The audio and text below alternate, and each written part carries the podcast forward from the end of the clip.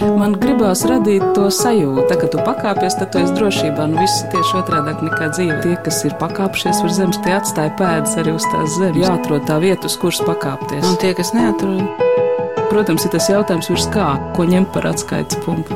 augstāk par zemi. Augstāk par zemi. Augstāk par zemi. Dievs dziedāt vēli tā, kā putni dzied. Par to, kas dzimst un rodās tavā dvašā. Ar sirdi atvērtu lietas ļaudīs iet un atrast viņos to, kā pietrūkst pašā. Ar nastu līdzi spēkam vēli augt un saskaņu tiem dodi dziesmās manās. Ļauj laikā sazarot, pār laiku plaukt, un lai mans ceļš ir laika virzīšanās. Šo gadu simtu laipni uzlūko un savu tautu laiku negantībā. Kas jaudā vēl tam spēkus pavairo, ņem pagurušos savā aizgādībā. Lai drosme tiem, ko vājus debēt mēdz, lai brāļi piepatur, kas grīļīgs pašā, lai atkal derību ar ļaudīm debesis slēdz un atzimšana nonāk tavā dvašā. Esiet sveicināti! Tā ir Broņislavs Martuževs, balss un dzējolis, rakstītāja dziesminiece, Nacionālās pretošanās kustības dalībniece, 2012. gadā aizgāja mūžībā. Taču ik gadu augusta beigās Broņislavās, Madonas novada Lubānas dārziņos, mājā, kurā Martuževa nodzīvoja mūžu pēdējos gandrīz 40 gadus, tiek svinēta Broņislavas dzēsdiena. Mans vārds ir Anna Buševica, un es dārziņos pabiju pirmo reizi. Šogad Broņislavas dzējas diena bija īpaša arī tāpēc, ka tika svinēti pieci gadi kopš tapusi dzēsklēts, dārzā tika atklāts ceturtais no tēlnieka ģirta burvja radītajiem rakstu akmeņiem, taču mani šai mājā pārsteidz ne tikai stāsts par Broņislavu Martuževu, bet arī stāsts par draudzību, par vērtību izpratni, ar ko patreizējā mājas saimniece Anna Egliena – Broņislavas draudzene ar pamatīgu arī muzejnieces pieredzi vēlas dalīties ar visiem atbraukušajiem. Esmu pie Broņas galda. Galds ir Broņislavs tikai ar, tagad ar maniem, maniem mantojumiem. Anna Glien man aicina iekšā mājā. Izstāstiet man, kā viss sākās. Tas ir uh, saistībā ar Broņislavu, ja, kā Jā. viss sākās. Es eh, ilgi mēdzu atbildēt, ka visu nosaka nejaušības vai daudz ko. Bet mācītājs Guntis Kalni man teica, ka nejaušība nav, ir dievjaušības. Tā patiešām bija dievjaušība. 92. gadā es piedalījos pie Trasuna muzeja iekārtošanas. Un tur bija Reizekne folkloras kopa Rūta, un tur bija eh, Sakstagala dziedātājas, un viņas bija izdomājušas 93. gadā braukt pie Broņislavas uz Lubānu ciemos. Zvanīja man uz Rīgu, Anna, vai tu negribi? Anna gribu. Un tad es no Rīgas braucu uz Sakstagalu, un tad mēs tādā jaukā kompānijā braucām uz Lubānu. Lubānā bija tāda folkloriste, fantastiska sieva, Šmitu Marta. Un tas bija 93. gada, nu, kaut kāds aprīlis pēc Bruņslavas dzimšanas dienas. Mēs te atbraucām, un, ak, kungs, kā te tās sievas varēja ņemties un broņa pa vidu. Jūs domājat, dziedāt? Dzieda, ne tikai dziedāt, visa tā runāšana, visas tās izdarības. Broņislavas māsa Madaļa jau bija paralizēta, viņa jau no 90. gada bija uz gultiņas. Viss notika tajā istabā pie pie māsas Madaļas. Prombraucot, mēs redzējāmies pirmo reizi. Nu, protams, tas stāsts jau bija Broņislava, jau bija no literārās pagrīdes iznākusi, un viņa jau bija ar savu vārdu. Viņa pasauca mani maliņā un teica, ziniet, nu, jūs tur pa Rīgu, pa centru, es jau te nekur netieku. Viņai bija iznākuši ceļu krusti, pirmā grāmata ar viņas vārdu. Es esmu kladē sakārtojusi reliģiskās dzējas izlasi, gaismas lāsi.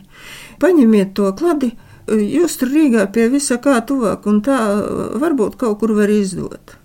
Tā tas sākās. Sākām ar tām grāmatu izdošanām, un tad uh, nākamā bija ceļta kvalitātes zieda.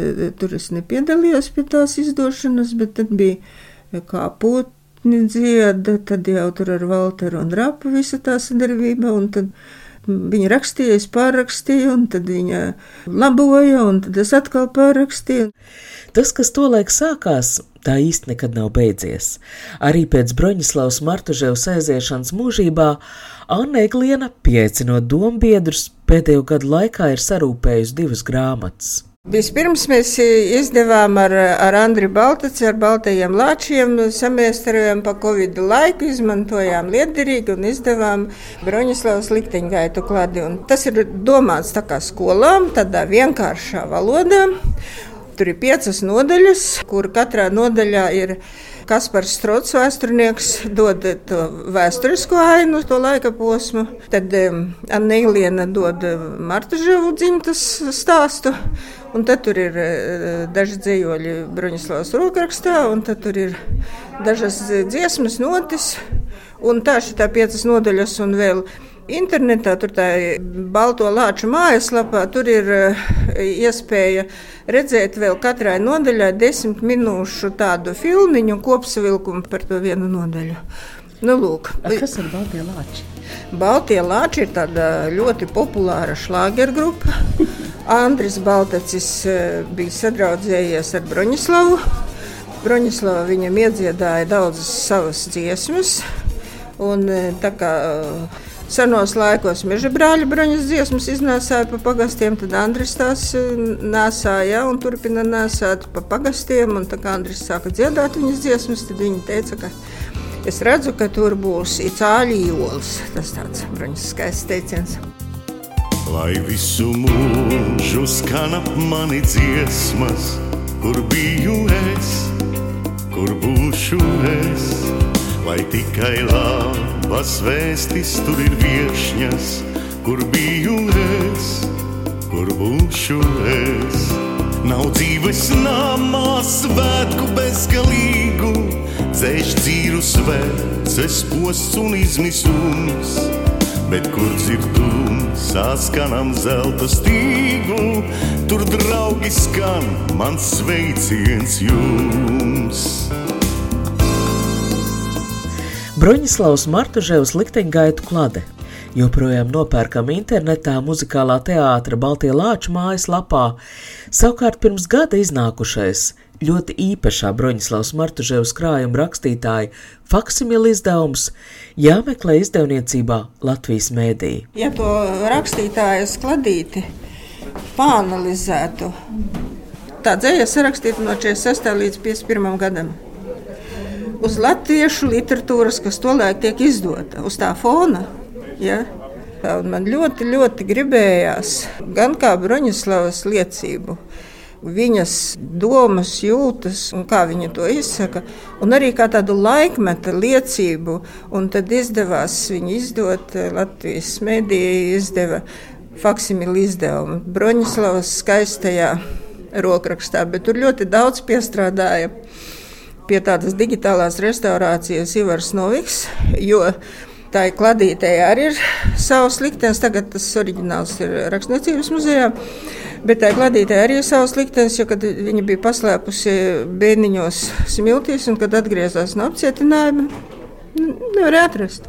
Un tad, kad viņa lazdiņu māju viņa atstāja un atnāca šeit uz dārziņiem, tad brālis ārdīja grīdas griestus un šo guļbaļu māju apšuva ar tiem dēļiem, un tad ārdīja griestus.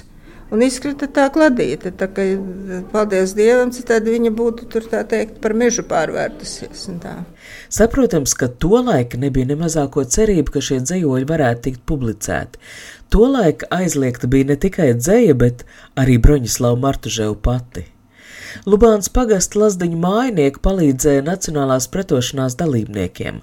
Daļa no šīs pretošanās bija arī Broņislavs dzējoļi un dziesmas, Kad Čeka atšifrēja pagrīd žurnāla dzimtene, tajā publicēto dziesmu autori, ģimene Broņislavu paslēpa lazdiņās zem istabas izraktā bunkurā, un šo bunkuru neatklāja vesels piecus gadus, taču tas tomēr notika, un uz Sibīriju izsūtīja visu ģimeni.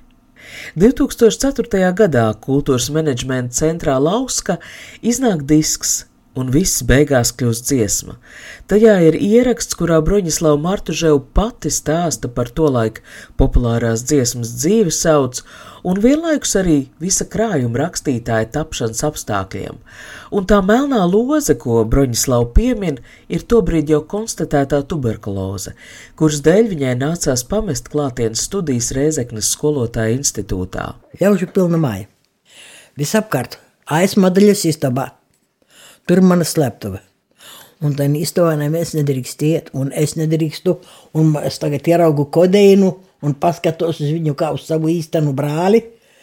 Jo lai nu kas, bet pie padomju iekārtas kodeina netruka, un nevajadzēja itin nekādu recepšu persike un ēt cik uziet. A man viņš bija, jāsaka, otrā maize. Jo tad es varēju novaldīt klepu un klepus bija mežonīgs. Un kā viņš tāds nebūs? Kas tur šā vai tā gadās? Ies, žiks, nemaz neapģērbusies apakšā zem, zem grīdas, caurvēja staigā pa visu grīdas apakšu. Kā es tur vēl izturēju, ir visu savu melno lozi, tur var pabrīnēties. Un nedrīkst klepot, un nedrīkst runāt, un nedrīkst darīt ne šā, ne šitā. A, ko es darīšu?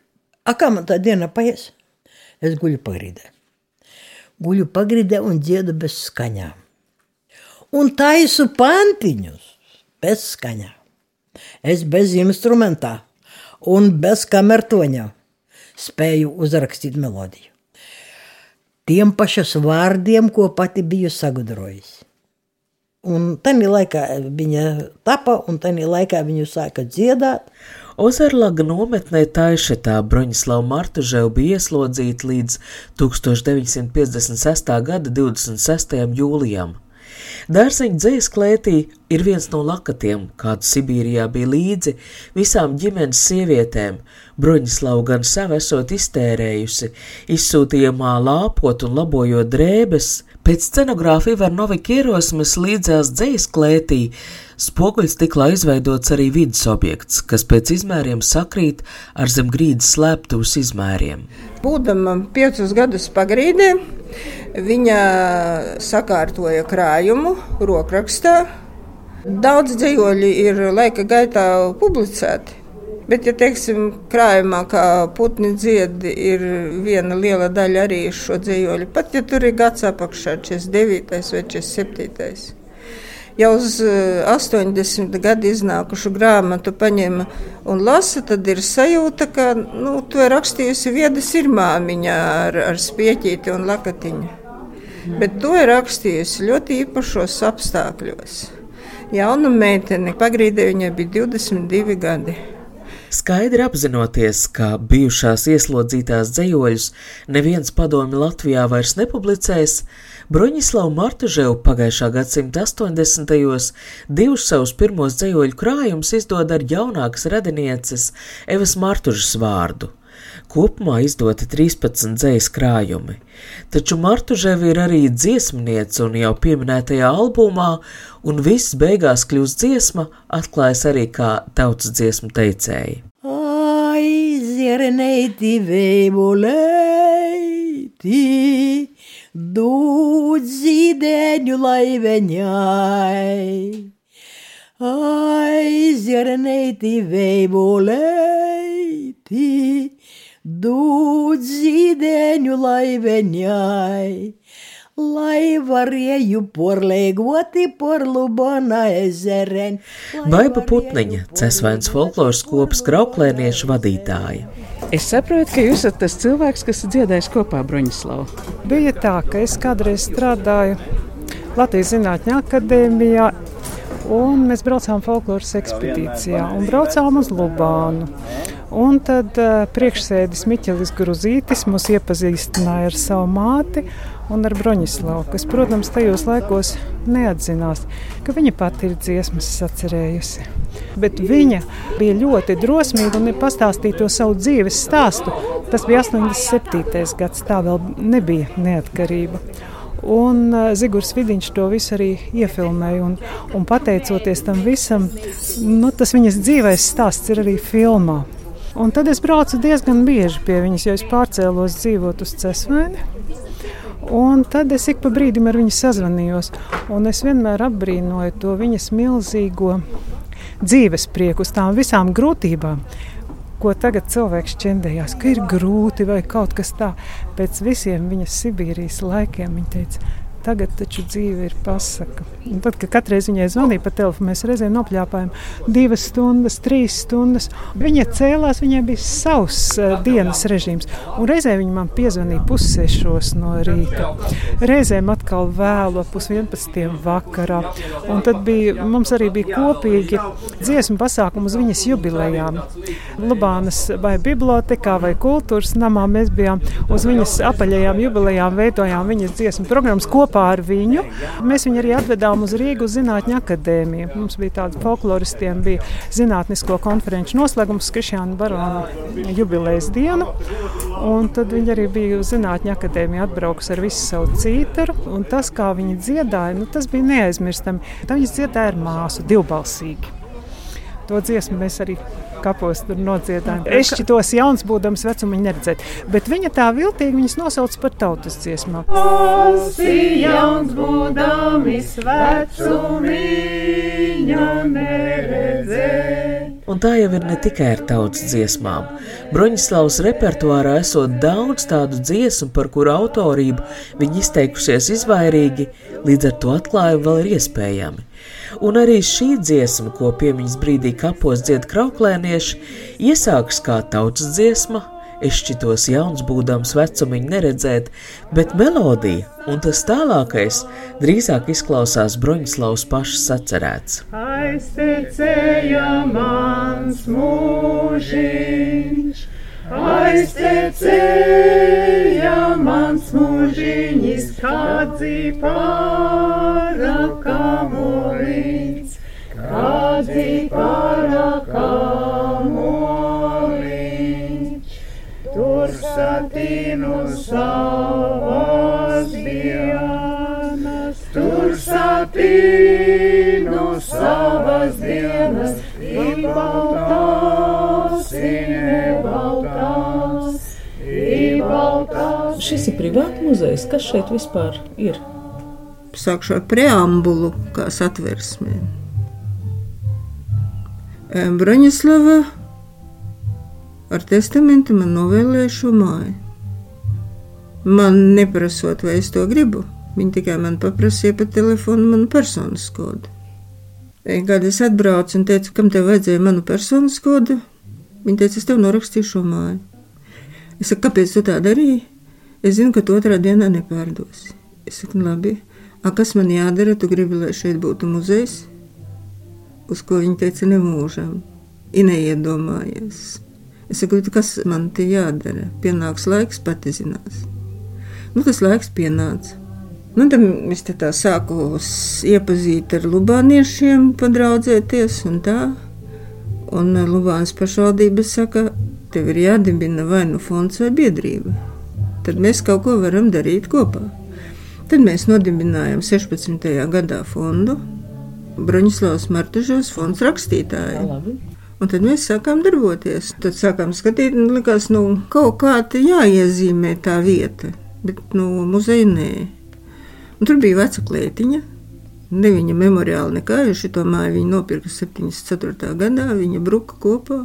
Parādījās iespēja līderu projektam ar būvniecību. Mēs uztaisījām projektu ar klēts rekonstrukciju, nosaucām par Broņislavas Martuževas dzēsklēti piebūvējām to terasi klāt, nu, tad tas ir tā kā klēts, un tad tā terasa, lai var uz dārza pusi rīkot pasākums. Nu, ja ir dzējas klēts, tad iekšā ir dzējas apcirkņi. Ivars Noviks mums ļoti palīdzējis, scenogrāfs. Ivara Novika ideja dzējas stropi divi un Ievara Novika ideja tā simboliskā slēptuve. Broņislavs Martuževs piemiņas vietā Madonas novada Lubāns dārziņos ir lauksēts geogrāfija, ir lauksēts ikdienas vajadzības. Un tomēr visu laiku līdzās ir arī piemiņas, ir dzējas dimensija.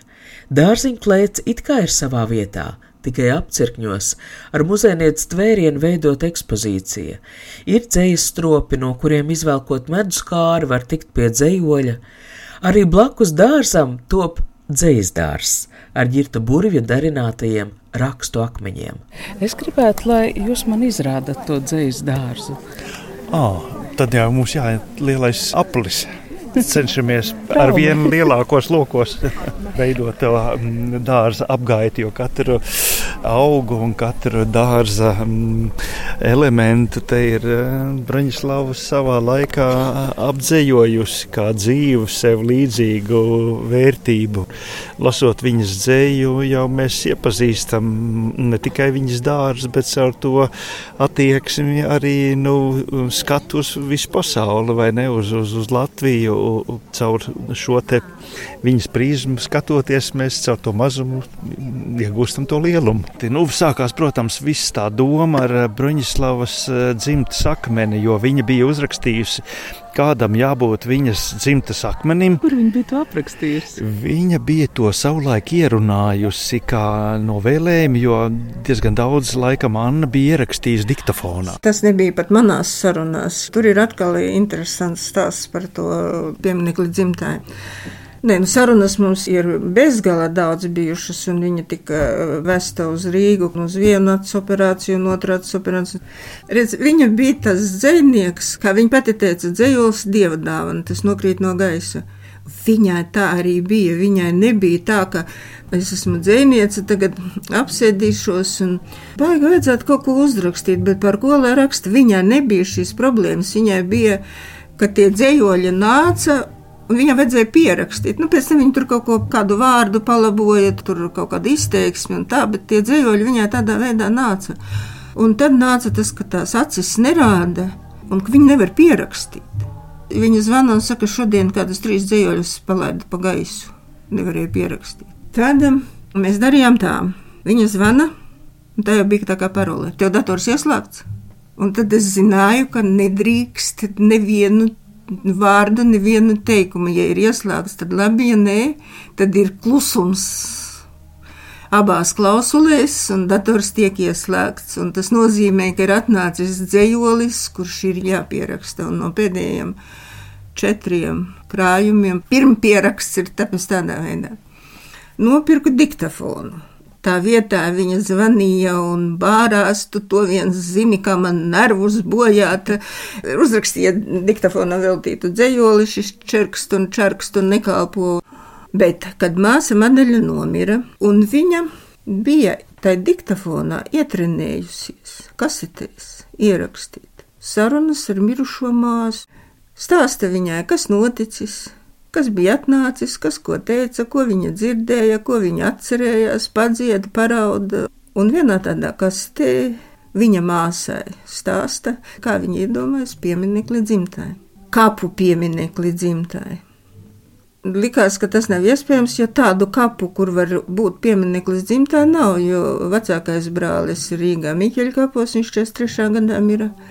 Mazais brālis pēc leģiona ir miris filtrācijas nometnē Grūzijā 46. gadā.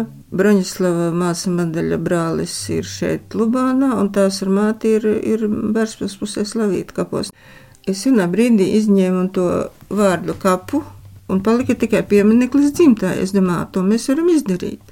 Un tur viņa apstāsta to, kas tur tagad, ko ģirts ir, ir uzbūris, burvis ir uzbūris. Un viņš stāsta, ka piemineklim ir jābūt tā, tur ir divi cēlni, tas ir tās un māte. Pie tā viena cēlma ir ārklis, tas ir brālis Cipris, tad uz cēlma ir piena krūze maizes kuklas māsa Madeļa, uz tā otra atvērta grāmata. Tā ir Broņislava, tad tā karavīra cepure, lai viņa uz tā cēlma, tas ir tas brālis Ģendris, un vēl tur ir jābūt krustam, pie kā visiem pieturēties telpiski, telnieciski likās, nu kas tas, kas tas vispār ir, no kāda materiāla un kā to darīt. Bet viņa tur gudri saka, bet tur ir jābūt labam zīmētājam. Un tā tika uzmeklēts ģērbs burvis, un viņš pēc divām nedēļām atsūtīja skici. Visu burts burtā, kā viņa bija teikusi, mums izdevās izpildīt. Un tā izdevās īstenot logu krustakmeni, kas bija pats pirmais un lielais centrālais. Jā, jā un tad sekoja dārza lielā liepa, Tālākais bija rakstu akmens. Rakstu akmens veltījums viņas brālim, kurš neatgriezās no izsūtījuma. Akmens vistuvāk mājai, uz kuru var iznākt no rīta apsēsties, paskatīties, kā migla no lauka atkāpjas, jo šeit ainava ir brīnišķīgi un plašumi apkārt. Rakstu akmens arī šogad tika nedaudz papildināts ar rakstiem, jo mēs tā kā audēji kaut ko jaužam katru sezonu no jauna. Nu, un svaigākais tad šo sezonu ir eh, pretošanās akmens. Mums jau sākumā bija skaidrs, ka tādam ir jābūt, un viņš nobrieda, un tie notikumi pasaulē, kas patreiz liek katram stāvēt ar stingru mugurkaulu un rast sevī spēku un harmoniju, nu, ir ļoti aktuāls šobrīd. Tur ir iekšā nedaudz no partizānu cīņām, nedaudz no meža, kas ir mūsu um, glābējs un audzētājs bijis daudzos laikos un daudzos vēsturiskās uh, kolīzijās.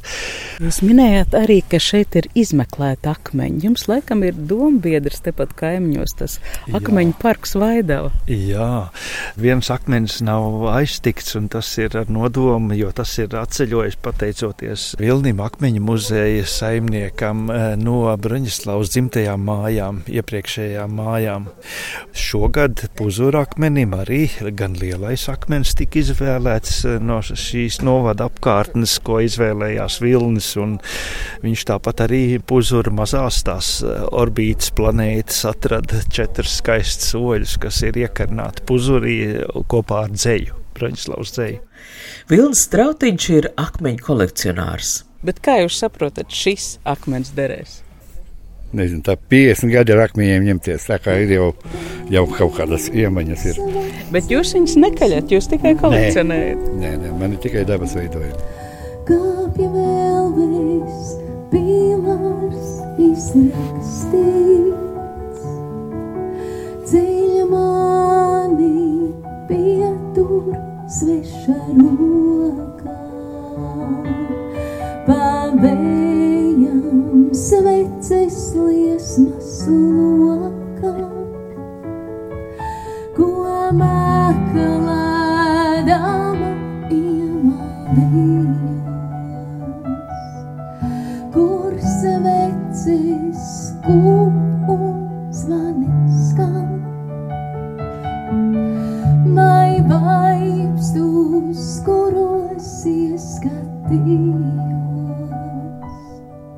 Broņislavas dzēsdienā Lubānas dārziņos tika atrādīta arī pagājušā gada Ziemassvētkos tapusī komponistu Ulu Markelēviča un aktrises Ditas Lūriņas koncerta programma. Protams, ka ar Broņislavas Martuževas dzēju. Nu, man, protams, uzrunā teksts. Nu, tad viennozīmīgi. Tai visai lietai pamatā ir vārds. Protams, jābūt kaut kādai melodijai un harmonijai. Viegli bija rakstīt. Grūtāk ir atlasīt Jo dziesma, dziesma nevar būt tikai dzēja. Ja? Dziesma, Viņai jau drusku cita specifika. Dziesmai tekstam jābūt. Dziesma teksts ir dziesma teksts, dzēja ir dzēja. Vienkārši man vajadzēja piestrādāt, jo ļoti daudz dzēja ir tāda stāstoša, jā, tad ne, nepakārtojas kaut kādam pantam, ritmam un tā tālāk. Vakarā saldā pie vārtiem skatos, tik vien visbaltuma, cik pašai matos. Vakarā saldā pie vārtiem skatos, cik vien visbaltuma, cik pašai matos. Bet nu, mēs tagad gatavosim rudenī pilnu programmu. Jā. Pilna programma, ko tas nozīmē? Būs vēl jaunas jūsu dziesmas? Cerams, ka, lai, jā, protams, nu, tagad viņas ir četras puses. Jā, nu, jābūt kādām kā minimums deviņām. Nu, jā. Un tad mēs centīsimies arī ierakstīt viņas. Nākamā gada 8. aprīlī dzēniecei, dziesminiecei, Nacionālās pretošanās kustības dalībniecei Bruņislavai Martuževai apritēs simts. Tad, nu gatavojoties simtgadēji, top arī Ditas Lūriņa Sūža Marhilēviča koncerta programma, arī diriģents Sigvards Kļava un Latvijas radio koris ir uzrunāts atjaunot 2014. gadā tapušo koncertu programmu Rakstītāja. Ar Broņislavas Martuževas piemiņas vietas izveidotāju, fonda rakstītāju vadītāju Annu Eglienu sarunājās Anna Buševica. Par šī raidījuma skaņu gādāja Valdis Raitums. Tā, kad tu pakāpies, tad tu esi drošībā. Nu, viss ir tieši otrādi nekā dzīve. Tas ir tā spēle, jā? Tie, kas ir pakāpšies virs zemes, tie atstāja pēdas arī uz tās zemes. Protams, ir tas jautājums, ko ņemt par atskaites punktu. Nē, nu, principā ir skaidrs, augstāk par zemi. Jāatrod tā vieta, uz kuras pakāpties. Augstāk par zemi. Augstāk par zemi. Augstāk par zemi.